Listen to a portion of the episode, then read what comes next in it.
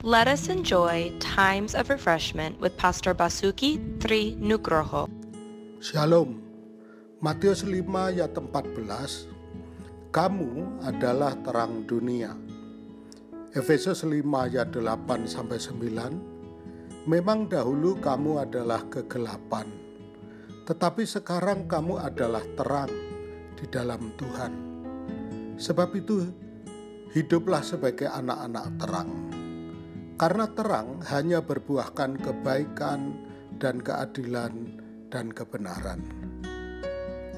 Sekarang dunia sedang kelam.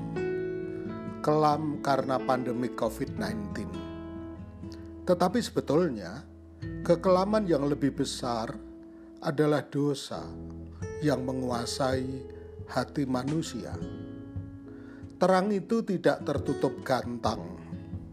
Terang itu ada tidak hanya untuk diri sendiri. Terang itu terlihat di tengah kegelapan. Terang itu menerangi kegelapan. Ini adalah tantangan besar kita. Hidup menjadi terang bagi orang lain. Terang yang memberikan harapan. Terang yang berbuahkan kebaikan, keadilan, dan kebenaran. Dunia sedang menantikan kehadiran kita. Sekitar kita ingin mengalami terang kita. Tuhan memberkati. Untuk info pelayanan lebih lanjut, hubungi GBI Grace Community Center Makassar di nomor 081 343 625 334. Tuhan memberkati.